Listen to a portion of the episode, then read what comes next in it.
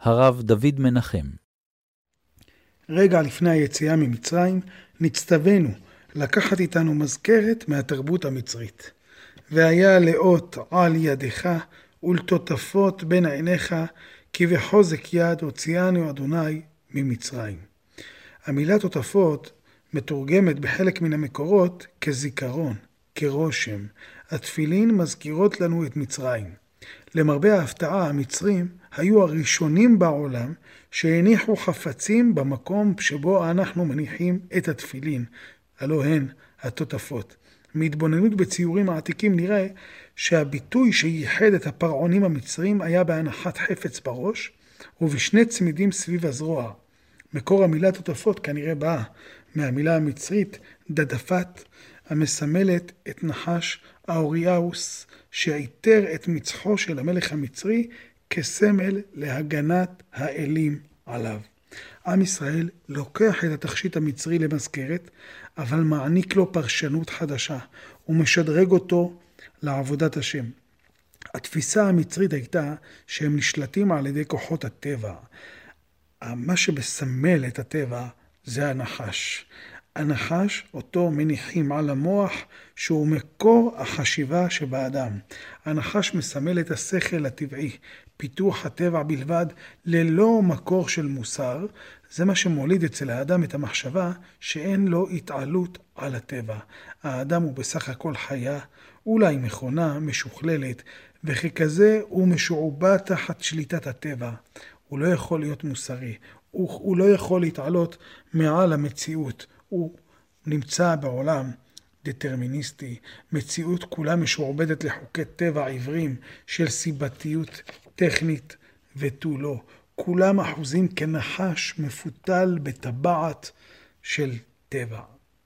התפילין הן מרובעות, בקווים ישרים, להורות שיש מציאות של סולם ערכים, בעיגול, עיגול של נחש, עיגול של צמיד, אין תחילה וסוף, אין מעלה ומטה, אין סולם ערכים, אין ברירה מה נמצא לפני ומה אחרי. התפילין נמצאות בריבוע, כי יש בהם סולם ערכים. יש ממד של מעלה ומטה, יש ממד של טוב ורע. החירות הזו מאפשרת לאדם לעלות ולדלג מעל האחיזה של חוקי הטבע. רצועות התפילין הכרוכות על גוף האדם, בראשו וזרועו, מכוונות לשחרר את רוחו משעבוד לתאוות ליבו ולעצמו, ומחברות את מחשבתו, את רצונו ואת כוחותיו להשם. כך אומר מרן השולחן ערוך, יכוון בהנחתם, שציוונו הקדוש ברוך הוא לשים את התפילין כנגד המוח ואת התפילין של יד כנגד הלב, כדי שנשעבד, סליחה, את כל הרצונות ואת כל המחשבות לעבודת הבורא.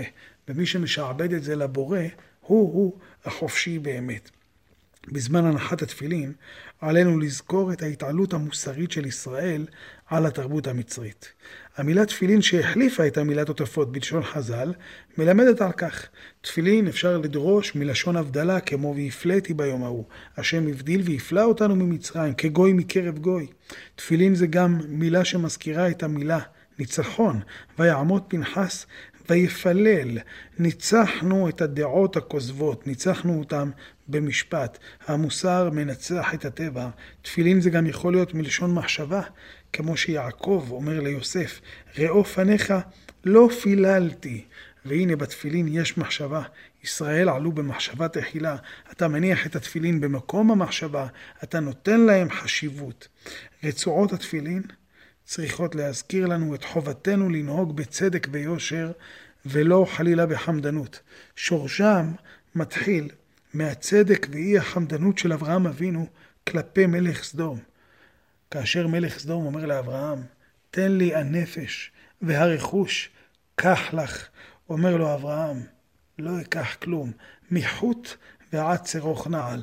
על זה אמרו חכמים, בשכר שאמר אברהם אבינו, אם מחוט ועד צרוך נעל, זכו בניו לשתי מצוות, רצועה של תפילין ותכלת של ציצית.